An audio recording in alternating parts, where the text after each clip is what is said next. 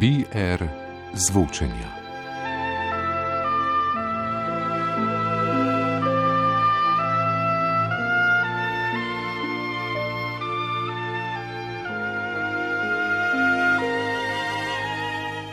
Cenjene poslušalke in poslušalci, danes v prostor med medicino in umetnostmi, ne le glasbo, ampak besedo in še marsikaj, prihajata z pediatrične klinike Univerzitetnega kliničnega centra v Ljubljani dva prav posebna gosta, ki opravljata vzgojiteljske naloge s predšolskimi bolnički. Marsikdo med poslušalci najbrž niti ne pozna tega zanimivega in zelo koristnega poklica v bolnišnicah. Lepo pozdravljeni gospa Janja Hanna Jamnikar in lepo pozdravljen gospod Andrej Damek. Lepo zdrav sem skupaj. Ja, tudi z moje strani. Dobr dan. Dobrodošla v BR zvočenih oddaji Radia Slovenija, kjer zdaj že v tretji seriji pogovorov gostimo zanimive ugledne strokovnjake, katerih delovno polje se nahaja med medicino in zvokom glasba umetnostmi. Hvala za vajen čas. Vaj lahko, lahko za začetek prosim, da se kar sama predstavite. Kako se običajno predstavite, no, najprej poslušalcem, pa tudi otrokom? No, moje ime je Andrej Damek, prihajam iz vrca Vodmat in že več kot 30 let upravljam delo bolnišničnega vzgojitelja na pediatrični kliniki v Ljubljani. Večinoma sem bil na nevrološkem oddelku. Kot bolnišnični vzgojitelj na nevrološkem oddelku se Že skoraj 30 let srečujem z otroki, ki imajo epilepsijo, pa tudi druge nevrološke bolezni, v svojem prostem času pa sem tudi ljudskar in še kaj. Z veseljem združujem svoje pedagoško delo in ljubezen do ljudskega gledališča in umetnosti nasploh. Otrokom pa se ponovadi predstavim, potrkam na vrata, vstopim in rečem: O, pozdravljeni, dober dan. No, jaz sem pa vrtec na obisku. Moj prvi obisk zdravnika, če dovolite spomin, ja. takrat so še zdravniki na dom prihajali, je bil dr. Franta Mis. Že ime je bilo čarobno, Franta Mis. Izpred sobe je bilo pa slišati petje. Sem rekel, kakšen zdravnik pa je to, mogoče pa kakšen škrat. Ne, en mandelc. In v predsobi je bilo prepevanje. Uh -huh. Lejgo, lejgo mandelca, kok je kosmat. V lužo je skočil, ritos je zmočil, lega, lega mandelca, kok je kosmat. Kašne fine besede, mandelc še nikoli nisem slišal. Pa Rita je rekel, to se ne govori, tako to je pa taka beseda, ki se jo ne govori. Tako je začel moj, to je moj prvi spomin za stik z medicino. Gospa Janja, kaj pa vi? Jaz sem pa Janja Hanna Jamnikar, tudi jaz prihajam iz vrca Vodmat. Kot bolnišnična vzgojiteljica delam že 25 let, a zadnjih 23 let spre, spremljam otroke na kliničnem oddelku za hematologijo in onkologijo. V svojem prostem času se veliko ukvarjam in izkušam, pa tudi malo kot ilustratorka oziroma likovno sem opremila dve brošuri, kako pomagati otroku zmanjšati strah in bolečino med zdravstvenim posegom in pa ko otrok zboli za rakom. Uh, Kako pa se jaz predstavim? Jaz pa rečem: Živijo, jaz sem Janja, na koncu hodnika je igralnica in tam sem jaz doma in moje igrače. Lepo. No, nisem, pa ne bom kasneje več o sebi govoril, ampak če ste začeli pred 25 leti, pred 25 leti sem se jaz tako zdravil na onkološkem inštitutu.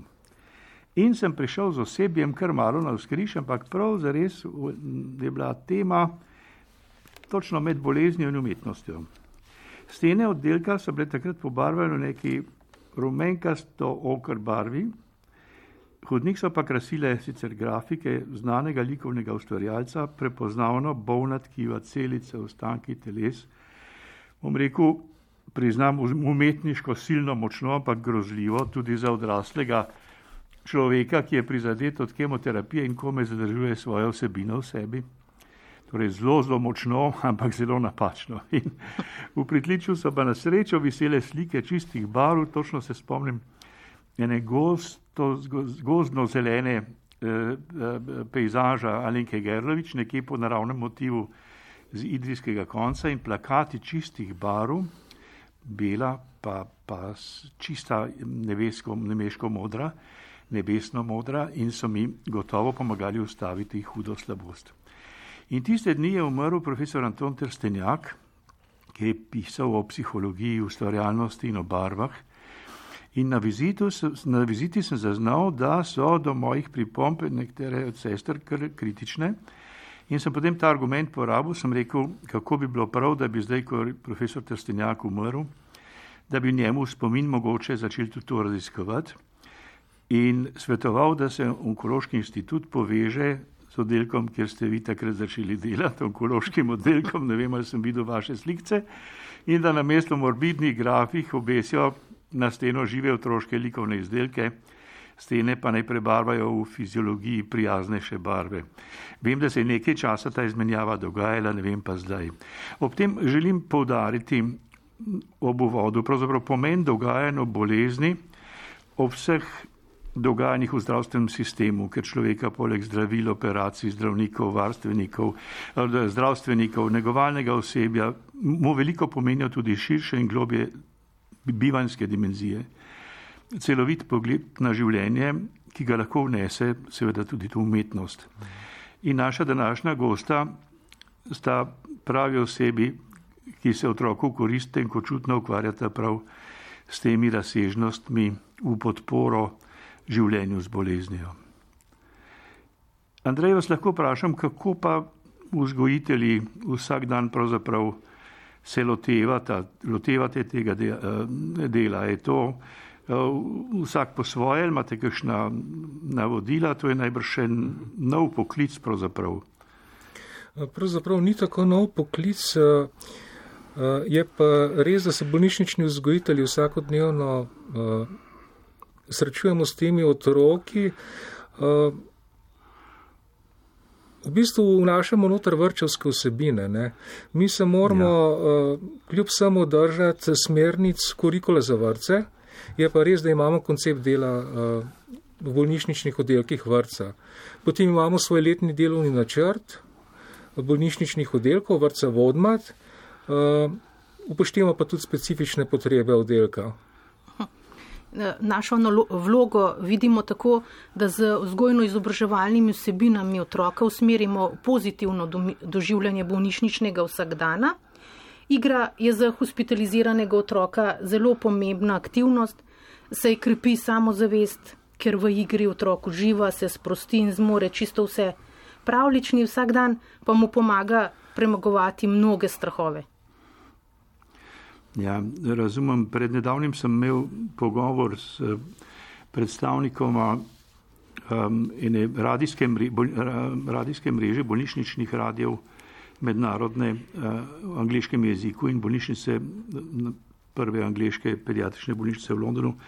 In so povedali, da so tudi raziskavo naredili in ugotovili, da v, na teh oddelkih, kjer je to vrstna ponudba, pri njih sicer samo skozi um, prostovoljce in radio in, in zabavo po radiju, um, glasbene želje in podobno, da so hospitalizacije krajše in tudi poraba zdravil manjša.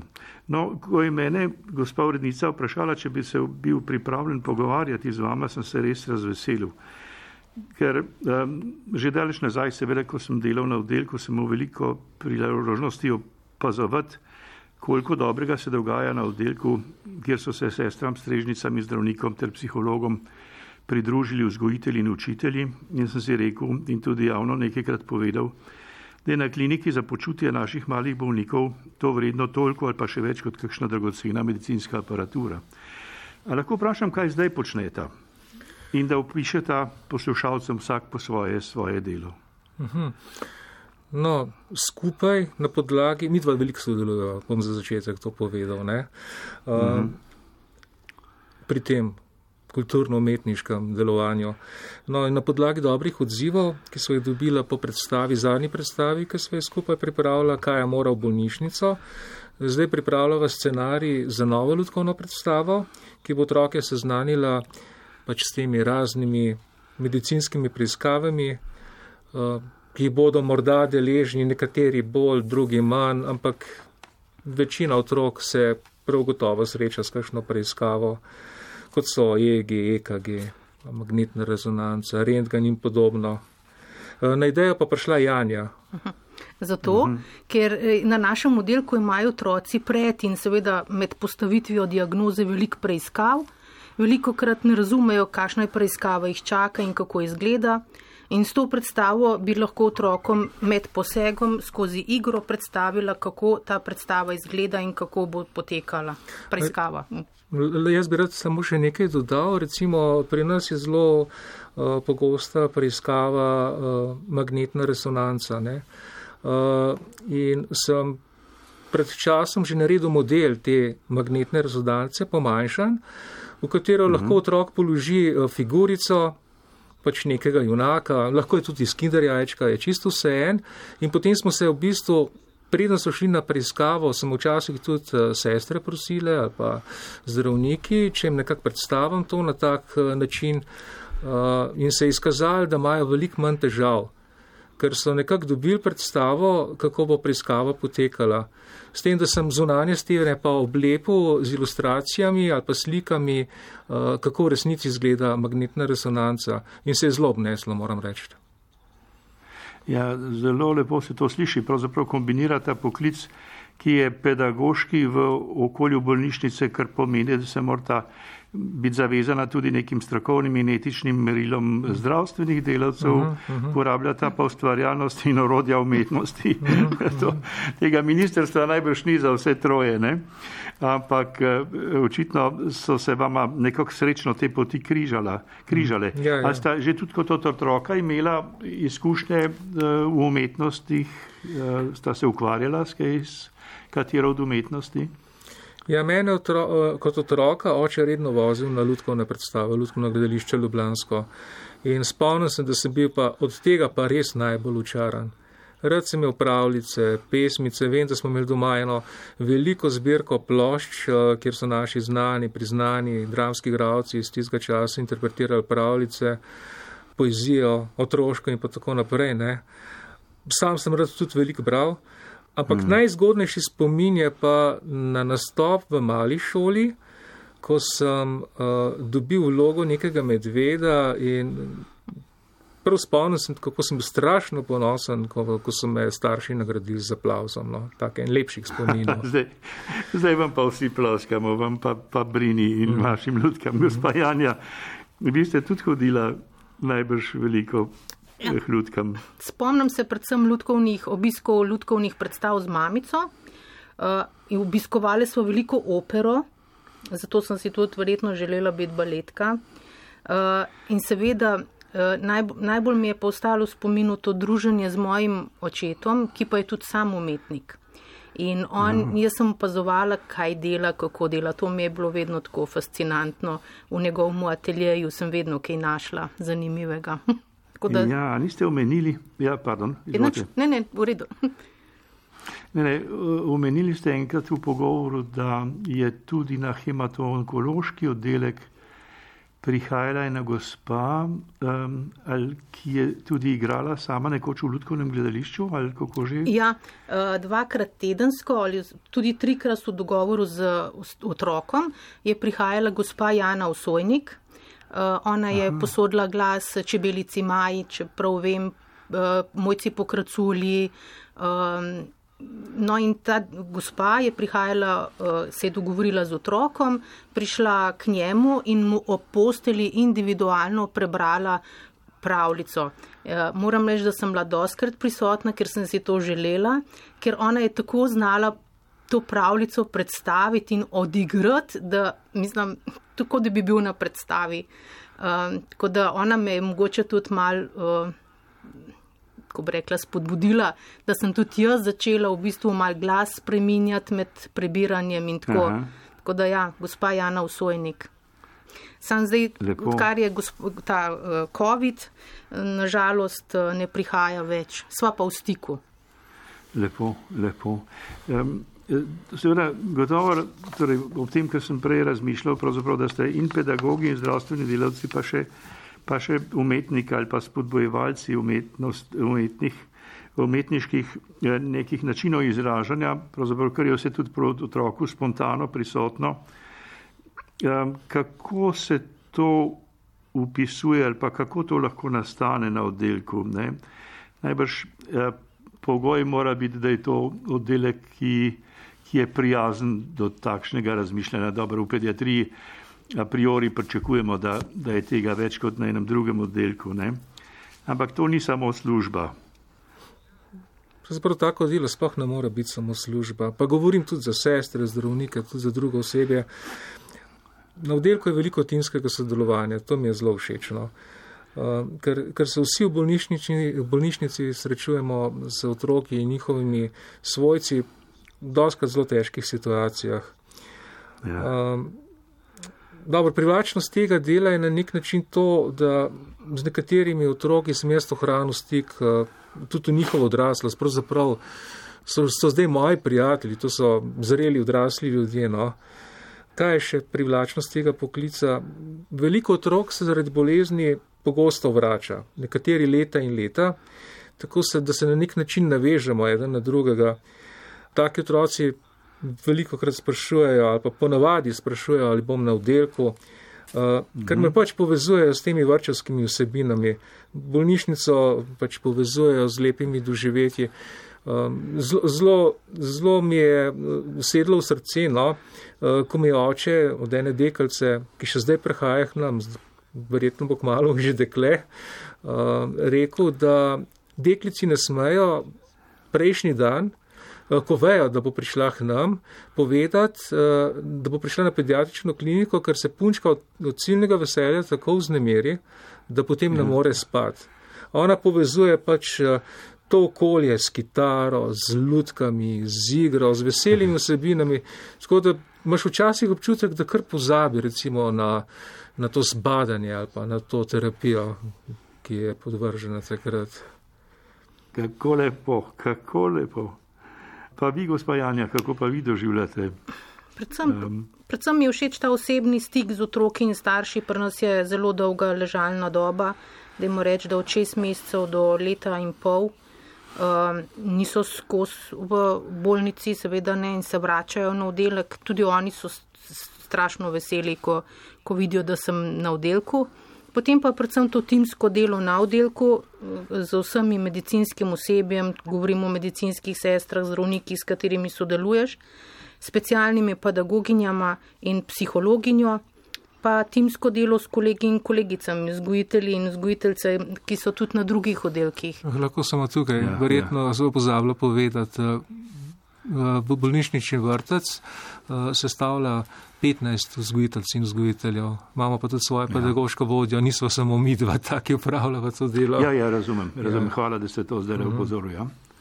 ja, kaj pa se vama pri tem delu, eh, kaj je najtežje? Za me, na našem oddelku, govorim o kliničnem oddelku za hematologijo in onkologijo, je srečanje s to res hudo boleznijo, ki se ji reče rak. Ne. Potem je trpljenje staršev, svojcev, v bistvu cele družine in seveda otrok, eh, vse spremembe povezane s to boleznijo, naprimer izpadanje las, slabosti, spremembe v izgledu, zabuhlo zaradi zdravil, nihanje različna v razpoloženju in seveda bolečina. Najhuje je pa mhm. umiranje in smrt. Najbolj me prizadane, ko zjutraj uh, je kakšna postelja nepričakovano prazna. Ali pa ko pridem z dopusta in izvem, da je kakšen otrok med tem časom umrl. Uh, za otroke, ki eh, umrejo dom, pač doma ali pa v bolnišnici, izdelam žalnice. Kaj so to žalnice? Mi tako rečemo. To so, ža, so žalne kartice, s katerimi se v mhm. imenu oddelka poslovimo tega otroka veliki večini so personalizirane. To se pravi, jaz otroka poznam, vem, s čem se je veliko igral, kaj je imel rad in to tudi upodobim na tej žalnici. Tako da to je mi najtežje. Ja, ja Janja se veliko srečuje s tem. Ja. Meni je tudi, mislim, tudi pri nas se to dogaja, se je dogajalo, um, samo ne v taki meri kot pri Janji. Uh, Težko mi je zaradi staršev, če njihov otrok dobi neugodno diagnozo, pa to soočanje s trpljenjem, no tudi umiranjem, tako kot je Jana omenila. Ja, razumem. Tudi pri vas je seveda, torej na tem oddelku je, je hospitalizacija poprišna izjemno kratka. Ja. Ne tako kot včasih, ki je Ja, bil ja. en teden, deset dni in se s človekom lahko spoznal Uh -huh. in našel trenutke tudi za neke mogoče bolj intimen odnos in pogovor. Zdaj se pa se mi zdi, da oskrat zelo hitro vrti. Meni se je kot zdravniku vsekakor zdelo, da se vrti prehitro. Kako se pa v tem znajdete? No, se to je lažje, se tem otrokom se jaz poznam. Uh, teže vzpostaviti stik z otrokom, ki, je, ki pride pač enkratno, pride na preiskavo in ga potem nikoli več Ja. ne, ne, ne, uh, ne srečam. Um, pač probam s temi našimi vrčevskimi vsebinami, prijetnimi vsebinami, uh, igro, umenil sem že kitaro. Uh, potem uh, kakšnimi pravličnimi vsebinami, vse o tem bomo pa kasneje verjetno kaj povedali, uh, samo približati in mu nekako raz, razbremeniti in njega in mamo tiste trenutke stiske, ker konc koncev je pa res, da marsikdaj starši, niti otroci ne vejo, da imajo uh, možnost uh, vrca v bolnišnici. No. So pa zelo hvaležni, ja. moram reči, jo, ko zvejo. Ja, razumem. In prilagajati se morate si predstavljam, seveda vsak dan je nov izziv in vsak otrok je tudi Ja, nov izziv. ja, ja. In kako si organizirate delo, recimo čist v času, za poslušalce mogoče zanimivo videti, Eh, kdaj najdete čas, da, da, tudi je čas, da ima otrok, vi, vi čas za njih in otrok za vas. Ja. Ja. Se ta, ta, v tako pospešenem eh, dogajanju na oddelku seveda dogaja veliko programa, ki je čist medicinski. Mhm. Ja, m, pogosto me v prihodu na, na, na, na to pozorijo sestre. No. Mi rečejo, recimo, v tej in tej sobi imamo deklico, ponovadi vprašam, koliko je stara, in potem se grem pač spoznati njo, da nekako starši, pa tudi mogoče z otrokom, če dovolj pogumen, najdemo pač neke vsebine. Potem jim pač ponudim te dejavnosti, igre in igrače. No. Problem je, mogoče ni problem, ampak uh, se mi zdi, da, da je fina bila prej ta socialna interakcija, ko so se otroci lahko srečevali v, v igralnici. Ja. No. Zdaj pa zaradi teh utre- od COVID ukrepov um, se mora zadrževati v sobah. No. V glavnem, te dejavnosti morajo biti pripravljene fleksibilno, uh, ker so pogosto prekinjene, uh, tako s pregledi kot s posegi. No. Razumem, ja, ker vas poznam, vem, da se, da se znajdete in da to uspešno uh, tudi naredite. Me zanima, gospa Janja, kako je pa pri vas? Ali je nek urnik določen, uh, ali imate redne kontakte z medicinskim timom? Ja, uh, jaz bom pa rekla tako. Na našem oddelku jaz zjutraj že 6.45 pridem na delovno mesto ja, in sem ja. na predaji nočnih medicinskih sester. Tako sem se nekako dogovorila z njimi, da sem lahko in takrat izvem o počutju otrok, uh, kako se, imajo kakšno vročino, se slabše počutijo, so slabo spali. In glede na, na, pač na to uh, prilagodim dnevne zaposlitve. Uh, In na oddelku imamo seveda redne timske sestanke. Na teh sestankih so prisotni zdravnik, glavna sestra medicinska, specialni pedagogi, uh, jaz. In na teh sestanku izvem o poteku zdravljanja in poročam seveda tudi o svojih opažanjih, ki jih opazim med igro otroka. Če je otrok eh, preveč prestrašen in če ne dovoli pregleda, prinesem tudi lutko, eh, ki je ime, mi smo jo poimenovali Pika Polona. In na njej včasih tudi zdravnikom opravimo pregled.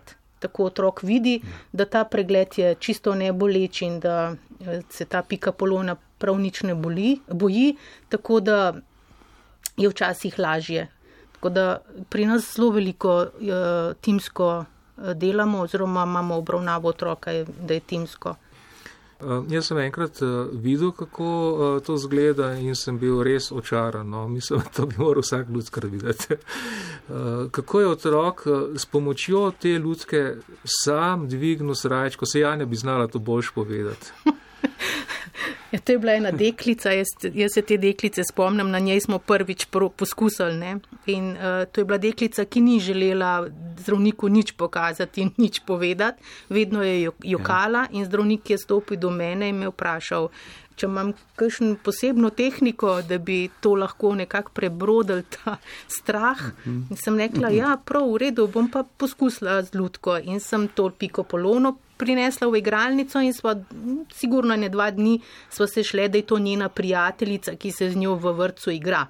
Ona je pač kuhala, se veste, kako, kot da bi imela najboljšo ja. prijateljico. No, in potem ja, je prišel ja. zdravnik in je rekel, no, zdaj greva pa v sobo se pregledati, no, sem rekla, zdaj bo pa začela jokati.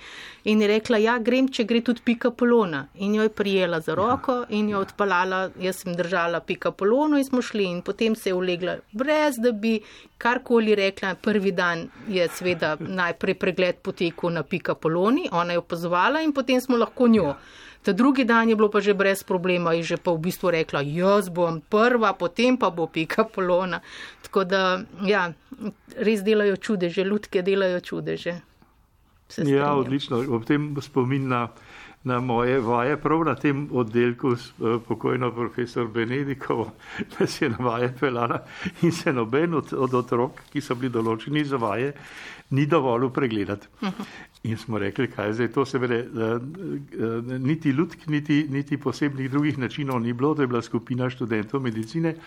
In jaz sem šel zadnji ven, pa je en drug bo rekel, pa smo jih, da se zmenili. no, kaj imajo pa otroci najraje od tega, kar, kar jim ponujate? Ja, še posebej radi imajo igro zdravnik, igro z vlogo zdravnik, verjetno tudi parjanje. Uh, potem pa pri meni, kot sem že omenil, zelo radi poslušajo prepevanje ob spremljavi kitare. Uh, nekateri imajo še posebej radi bansi, to je taka oblika, ko se med prepevanjem eh, kreta z, roga, z rokami, pa z nogami, pa radi majko mišibaje, ljudkovne predstave. Jaz sem pa rekla tako, ja, pri nas je pa zelo aktualen kuharski kotiček ne, kot simbolna igra. M, sem razmišljala, zakaj bi rekla kuharski kotiček. Zato, ker med uh, eno vrsto terapij je tudi sta dva zdravila, ki, po katerih so otroci zelo lačni ne, in razmišljajo hmm. pretežno o hrani in kaj bojo jedli in kako bo ta hrana zgledala in kdo jim bo skuhal.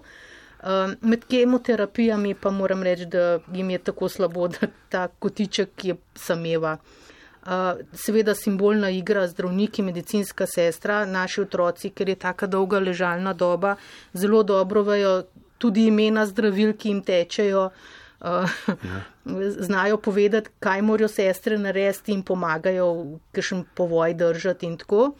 Zelo radi pa pretežno, oziroma poudarek je na ustvarjajo, tako kot ste vi prej omenili, uh, ustvarjajo, mhm. prebirajo pravljice z menoj ali pa starši, uh, radi si ogledajo kakšen kamiši baj predstavo, mini predstavo v sobi. Naprimer, eh, ta mini predstava bo, tem, bo tudi Andrej predstavil, ampak jo uporabimo tudi za kakšen rojstni dan.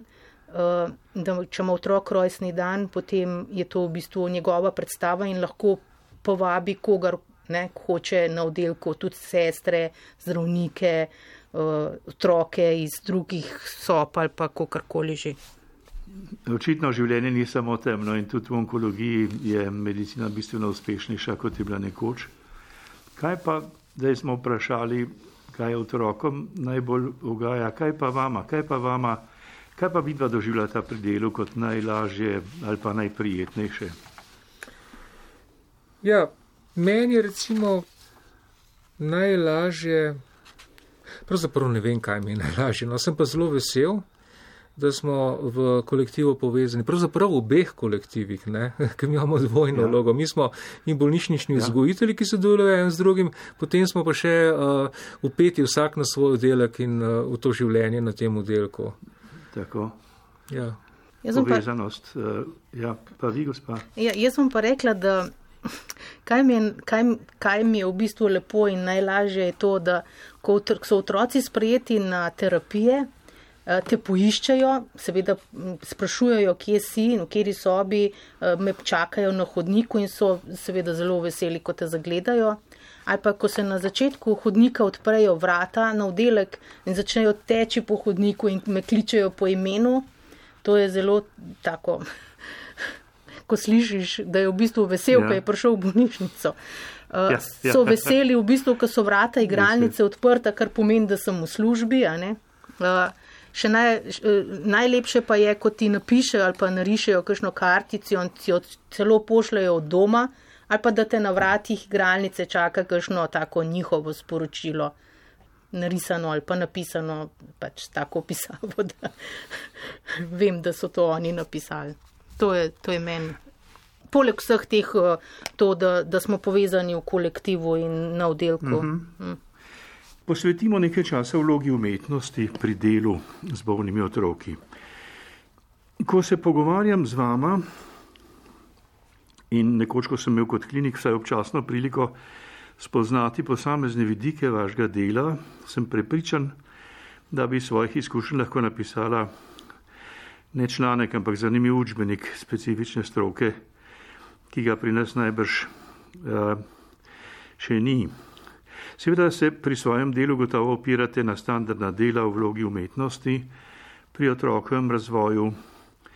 Tista moja zgodba, ki sem na začetku povedal, ko sem pred četrt stoletja na onkološkem inštitutu svetoval drugačno umetnost na hodnikih, pove, da kar vsaka umetnost za človeka, posebej pa za bolnega človeka, ni nujno tudi prava. Kakšne so vajne izkušnje, ker teh je ogromno? Lahko poveste še nekaj o tem. Mogoče kar s povdarkom na praktičnih zgledih, kako povezujete teorijo in prakso. Recimo, meni je zelo veliko pomenilo, ko sem uh, prišel do enega priročnika, uh, knjiženo vzgojo v vrtu, avtoric Metke Kardigel in Tilke Jamnik, ki sta lepo povzeli moje opažanja o vplivu in vlogi umetnosti na otroka. Mogoče bo mal suhoparno, ampak bi res rad citiral en kratek odstavek, uh, ker se mi zdi zelo pomemben, zelo, zelo pomemben za razumevanje vlogo umetnosti pri delu z otroki. Uh, v literarni teoriji, knjižni vzgoj v vrtu, pač uh, obstaja nek pojem, ki se mu reče vrata za identifikacijo. In tukaj gre za pojav, pri katerem se gledalec, bralec, poslušalec za čas, ko traja, recepcija, situacija, situa, recepcijska situacija v mislih preseli iz realnega življenja ali svoje življenjske situacije v nek fiktiven svet. No in potem gledalec, bralec, poslušalec se v mislih predstavi v enega izmed teh junakov, ki nastopa v tem delu. Ne, recimo. in ta zlitost, identifikacija z junakom je lahko tako intenzivna, da je v tistem trenutku fiktivni svet celo resničnejši kot sama realna okolica, na katero v tistem trenutku lahko celo pozabiš. Mislim, da vsi poznamo to stanje zavesti, recimo, ko smo v kinu, ko gledamo dober film, ko prebiramo knjige, ko poslušamo dobro glasbo. No? Ampak pri otrocih se mi zdi pa še bolj pomembno, da res dobro izbereš tega protagonista, tega junaka, uh, zato ja. ker mora njegova zunanja podoba, pa življenjske okolišče, pa problemi, s katerimi se spopada, potem značajske lasnosti, želje in socialna situacija, pa psihološke, psihološke stiske, morajo biti podobne eh, tem, ki jih imajo otroci. No? Tako, ja. Eh, in potem ta proces identifikacije z unakom omogoči, da v mislih podoživi, način ravnanja lika in se tako dokopljen do novih pomembnih spoznanj, pa tudi lahko primerja svojo izkušnjo, ki jo ima recimo v primeru teh naših predstav, ki jih pripravljamo prav za te bolne otroke ne, in jih razbremenuje, saj miselno podoživi nekatera nekatere boleče uh, trenutke ali pa problematične situacije. No, in na ta način dobi uh, tako je, bolj jasno, pa poglobljeno razumevanje lastnih doživeti. No, to se mi zdi pomembno. Pa še, pa še ena stvar, ki jo opažam, ko igrava recimo te predstave. Zelo me nagovori, ko vidim uh, to neko zamaknjenost pri otroku. No. To pomeni, da, ja. da na nek način otrpne, oči ima široko odprte, uh, uh, usta, uh, brada mu nekako pade dol in je tako zamakne, ne, uh, ja. Da dobesedno vidim, da je pozabil, da se, da se je popolnoma posvetil temu dogajanju. In je popolnoma, eh, tako bi rekel, prvi nek posvečen trenutek pride, no, ki je namenjen samo njemu, no, pač eh, med, med predstavo, recimo. To. Ja, v tem ste opisali nekaj, ampak zdaj ne bomo v to mogli. Takega otroka vidimo tudi, ko je. Da, ko je zamaknen pre, pred televizijski ekran ali pa pred ja. igrico v računalniku. Uh, ampak tega najbrž uh, imate situacije, ko morate otroka zvabiti iz enega stanja v drugega, ker to, kar vi počnete, uh -huh. je vendarle neka človeška interakcija, ja, ja, v kateri lahko tudi reagira. Tako, tako. Tam je pa, je pa to stroj. Tako, tako. A ste imeli kaj teh izkušenj? Ja, ja, seveda. Um, otroci med predstavo odzivajo. Med predstavo ja. lahko stopijo v komunikacijo. To, to ni nek ja. proces, kjer on gleda, uh, mi, pa, mi mu pa nekaj predstavljamo, ampak ima možnost posegati v to s svojimi komentarji uh, in uh, svojimi razmišljanji, svojimi izkušnjami. In to se, to se dogaja. Ja. Pa še ena tema, hvala tole, mislim, da je zelo važno. Še ena tema je, ki jo včasih ljudje mogoče in pojem napačno razumejo tudi v teh kontekstih. Da, če, če nekdo trpi, otrok trpi ali pacijent trpi, vprašanje empatije. Da, da ljudje razumejo to zelo različno, kako vi na to gledate. Ker otrok, ki, ki joka, ki trpi, ki, ki, ki ga, ali se, se pravzaprav se najbrž ne spuščate v, v njegovo afekt, afektivno stanje, ko ljudje mislijo, da pododživiš isto čustvo. Ne? To je napačen pogled. Ja, ja, ja. Ne, mi, ne, mi ne jokamo skupaj z otrokom. Se otrok no, tega to, niti ja. ne, ne, ne potrebuje, niti ne pričakuje Tako od nas. Je. On bi rad imel od nas neko oporo. Ne? Mi smo tam zato, da nekako uh, razumemo to. To stanje njegovo, kako razmišlja, kako se počuti, kako zaznava uh, pač to, to dogajanje okoli sebe, in da mu poskušamo uh, s tem razumevanjem uh, in s temi veščinami, ki jih imamo, to stanje nekako uh, sprejeti, premagati, umiliti. No? Ja, ja. Ja. Zanima me, hvala, jaz mislim, da je bilo to oboje zelo koristno, ker med ljudmi je v razumevanju tega pojma predvsej zmede. Ali nam lahko nekaj več povesta zdaj pa o umetnostnih tehnikah ali metodah, orodjih, ki jih uporabljata? Kaj od tega se je pri otroku najbolj uh, izkazalo? Kakšne metode? Uh -huh. Naprimer, kamishibai. Ne?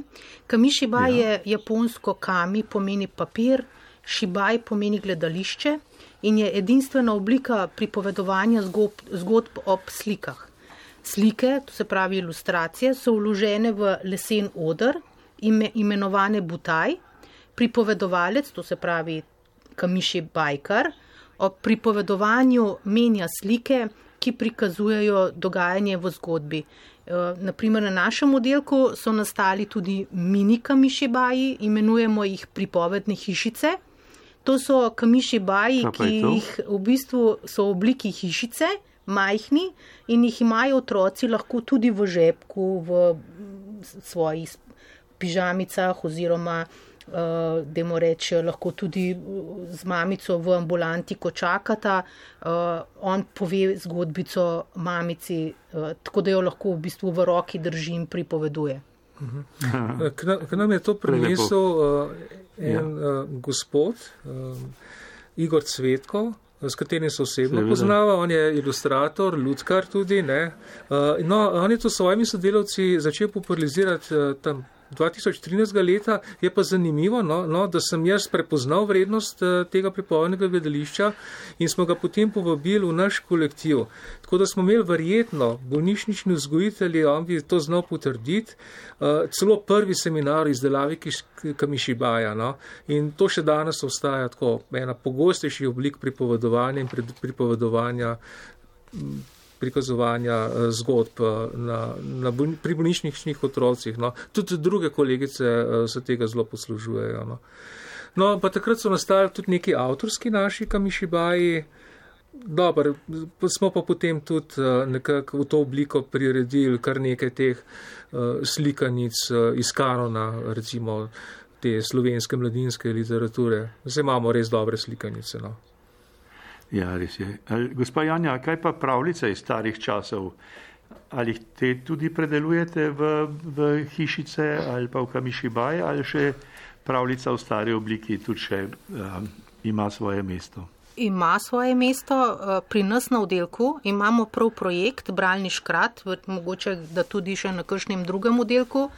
Uh, bralni škrat, to je škratek, ki pripoveduje pravljice oziroma bere. Uh, berem jih jaz ali mamica popovdne in so uh, lahko pa tudi dopovdne, uh, lahko pa so tudi istočnica razne pravljice za kakšno zaposlitev. Na oddelku imamo bralnega škarata, ki obišče vse otroke in ko otrok posluša pravljico, mu nariše temu bralnemu škratku risbico. In teh, te risbice se shranjujejo v mapici, in ko zbere otrok pet uh, risbic, uh, nastane knjiga bralnega škratka. In ta knjiga, poleg njegove diplomice, ki jo dobi na koncu, uh, gre z njim domov. In to potem starši povedo, da zelo radi pokažejo uh, svojim domačim, detkom, babicam, bracem, celo odnesejo v matični vrtec, z katerega prihajajo in potem je v bistvu to ena istočnica, da dobijo kontakt s temi otroki, ki so iz vrca, da mu poka jim, poka mu poka jim pokažejo to knjigico, ki je nastala in njegova diploma. Eh, Kršni seveda eh, so zelo dobri bralci in ker so tok časa na našem oddelku, ja. nastanejo tudi več takih knjigic, več risbic. Zakaj pa risbice? Ker pri nas eno obdobje otroci eh, na začetku ali pa mogoče nekje na sredi zelo malo govorijo. So samo poslušalci, večinoma poslušalci. Ja. In ja. zato sem se odločila, da narišajo, ker mislim, da vsak uh, zelo rad nariše, uh, predvsem ker spravijo to in rečejo, da je to v bistvu pismo bralnemu škratu in oni verjamajo tega bralnega škrata. No, tako je pri nas. Odlično. Jaz se spominjam še enega drugega škrata. Um, uh, tisti je bil, čak, je bil doktor škrat, je bil oče škrat. Uh mhm. -huh. Velike enih škratov okrog hodilo je še iz časa, ko sem delal na neurologiji. Uh mhm. -huh. Andrej, to so bile pa, pa kitara je bila vedno v, uh, z vami, ne? oziroma s škratom. Ja, ja. Um, ta pesem je nastala, je pač del nekega projekta. Uh, večjih pesmi, ki sem jih potem združil v zvočno kaseto Dr. Škrat, že daljnega 1995. leta. In te, to smo takrat posneli s pomočjo bolnišničnih vzgojiteljic, Tani Neše, pa Majde Korošec, žal ste že pokojni, ampak čudoviti pe, pevki. Majde Korošec je bila prav, rekel, uh, uveljavljena pevka narodno-zabavne glasbe. No, uh, Še posebej pa polarna ta ištevanka oče škrat. No. Včasih je kdo otrok, ki pride na oddelek, celo pozna, jo prepeva z ja. mano in ko ga vprašam, uh, odkot jo poznam, mi odgovori, da je šoli, iz vrca. Um, in potem se jaz počutim, kako ne rečem, um, tako um, ponarodelo. Ne. Nekako ne čutim potrebe, da bi, da bi razkril ja. avtorja. Ja. Um, smo pa v tistem času no, že naredili tudi ljudsko predstavo na podlagi teh pesmi. Smo naredili uh, predstavo Oče Škarat, uh, v kateri smo potem zmoderirali te ljudske škrata, ki smo jih takrat. Uh, Mel, no, pripravili, uh, spremljali uh, ob kitari, po kitari sem igral, spremljal in se res dobro slišal, troglasno petje, res sta bili izjemni pevki. Uh, Eh, seveda, tega, tega, tega je toliko, da smo pravzaprav še mi grede še za kakšno oddajo, uh mhm. -huh. ne, ker vem, da imate tudi uh, ansambl uh, bolnišničnih ja, vzgojiteljev. Ja, to, ja. Tisto, kar bi me zanimalo, je, je mogoče uh, pomembno, da pravzaprav Otroci niso le pogosto, recimo na vašem oddelku, hudo ali kronično bolni, ampak imajo posebne potrebe tudi zaradi motn razvoju uh mhm. -huh. nevroloških, umskih, uh -huh. čutilnih primankljajev in oviranosti. In yeah. se ja. morate tudi biti sposobni približati, če je to otrok, ki je gluh ali pa slabo slišeč ali pa, uh mhm. -huh. ali pa slabo viden. Uh mhm. -huh. In uh, seveda zato so sicer uh, zavodi, ki imajo specialna znanja, njihovi pedagogi. Ampak kako se pa vi znajdete? A imate kakšne rešitve tudi za slepe in slabovidne otroke, recimo? Tukaj, tukaj pa dala pobudo kolegica, ki dela pač na očesni kliniki. Ne? Ona je prišla do tipne slikanice in nam je to predstavljeno.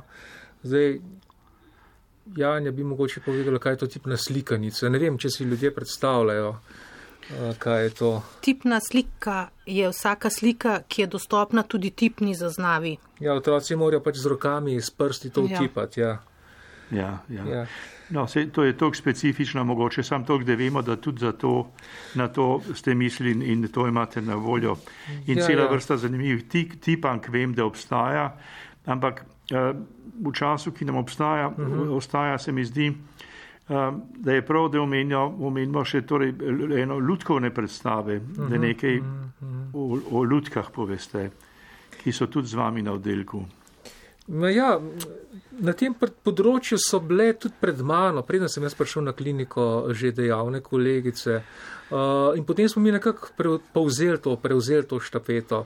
Uh, s tem, da uh, predtem smo delali pred recimo uh, selitvijo na novo pediatrično slini, kliniko, smo delali take predstave, uh, velike predstave, pravim jaz tevo, klasičnega paravanskega tipa. Uh, ker smo na stari pediatrični kliniki otroke v popodanskem času lahko združevali in je bil to res tak gledališki dogodek, no? uh, Ja. zelo podoben temu vzdušju v gledališču. Zdaj pa, ko smo prišli na novo pediatrično kliniko, so se pa oddelki nekako zaprli, sami vase, ne? in uh, sem jaz potem ugotovil, da, da bi bilo treba to vse skupaj nekako, nekako zmanjšati. Ne? In smo prišli potem do, zdaj do tega tipa neke vrste namiznega gledališča. Uh, in s temi predstavcami majhnimi lahko pridemo praktično do vsakega otroka na vsakem oddelku. Lahko so to majhne skupine, lahko pa je to čist in individualno, tako kot je prej Janja povedala, uh, zelo z nekim namenom, recimo praznovanje rojstnega dne ali pa kolegice naj jo pokličejo. Si pravzaprav tudi druge kolegice delajo podobne predstave, ko, je, ko je otrok dolgotrajno hospitaliziran, pa, pa mu je pravzaprav že mal dolg čas in mu potem na ta način popostrimo dan. No. Lepa hvala. Glejte, eh, seveda je eh, pred kratkim smo poslušali tudi premjero eh, radijske igrice, ki ste jo napisali skupaj s sodelavko uh -huh. Kaja Mora v bolnišnico uh -huh. in, o tem, in pa mogoče tudi o ljudkovnih eh, predstavah bi se lahko še kdaj, mislim, eh, v tem okviru srečali in v okviru bolnišničnega radija. Ali mogoče imate, bi želela za konec oddaje še en ali drugi kaj povedati? Ko ste me nekako nagovorili, ne, sem potem doma razmišljal uh, in uh, nekako uh, potem uh, nekako izliv, no, bom rekel, uh, povzel no, to moje razmišljanje uh, ja. na ta način, da se nihče ne more izogniti težkim trenutkom v življenju, to vsi vemo. Življenje je pač neko zaporedje spodnjo opacov, pa vesele žalosti sončnih in oblačnih dni. In zdaj obstajajo različni načini, o drugih ne bom govoril, ki nam lahko pomagajo oblažiti stisko in premisliti, kje smo in kam gremo. Ampak meni osebno, prav meni osebno, pa pri tem, mm. poleg vere, pomaga tudi umetnost, ki mi res duševno lajša stiske in mi s svojimi vsebinami bogati in lepše dneve, ker tudi sam, ne samo, da sem ustvarjalec, neizmerno uživam, ko si lahko gledam kakšno predstavo, a naj bo to ljudkovna, gledališka, gledam gledati kakšno plesno predstavo, rad hodim v kino, v glavnem, meni so te vsebine zelo pomembne. Hvala, Andrej. Gospa Janja. Ja, jaz bom pa tako rekla, da v življenju sem se res nemalokrat znašla v skoraj brezizhodni situaciji, ampak za vsakim držem posije sonce in moje sonce je moja družina, mož, hčerka, starši. Če pa se slučajno zgodi, da sem v stiski, pa se umaknem v eno mojo sobo, ki jo imam doma, jaz si rečem ustvarjalnica. In to zriz, tam v tisti sobi z risbo ali pa na kakšen drug izdelek izlijem to so svojo tesnobo, včasih pa tudi veselje, ki ga doživim. Še na koncu bi rada povedala, da življensko vodilo mojega očeta, ki je umetnik, ne, je življenje ni praznik, ampak praznovanje. Meni je bilo vedno malo mm. čudno, ampak potem sem si znala to razložiti uh, in res moraš v bistvu vsak dan praznovati. Hvala vama za bogato urico pogovorov in sporočil, ki so se in se bodo gotovo dotaknila mnogih. Želim vam še naprej veselja in rekel praznovanja življenja v svojem čudovito privlačnem in koristnem, nelahkem delu za nas in za naše otroke. Eh, Še enkrat lepa hvala. Hvala vam za povabilo. Ja, hvala vam.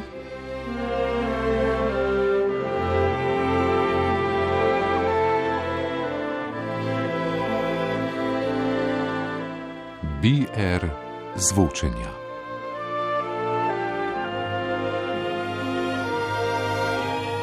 O vlogi umetnosti pri delu z bolnimi otroki se je neuropediatr primarij Igor Mihajl Ravnik pogovarjal z vzgojiteljico gospo Janjo Hano Jamnikar in vzgojiteljem gospodom Andrejem Adamekom, ki delujeta na pediatrični kliniki. Zvočno so oddajo oblikovali Damjan Rostan, Bojko Kokot in Jrnej Boc. Uredili sta jo Saška Rakev in Tina Ogrin. Po besedilu Janje Hane Jamnikar in Andreja Adameka je nedavno v produkciji Radia Slovenija nastala tudi radijska igra Kaja mora v bolnišnico, ki najmlajšim na njim razumljiv način predstavi in razloži protokole ob hospitalizaciji, kaj lahko pričakujejo in koga bodo otroci srečali v bolnišnici. Radijsko igro, ki lahko morda vsaj malo prispeva, da sta stiska in strah, ki pogosto spremljata odhod otrok v bolnišnico, manjša. Lahko vsi zainteresirani poslušalci najdete na spletni strani projekta BR rtvslo.si pošiljka BR. Vsebine iz projekta BR sofinancira ustvarjalna Evropa.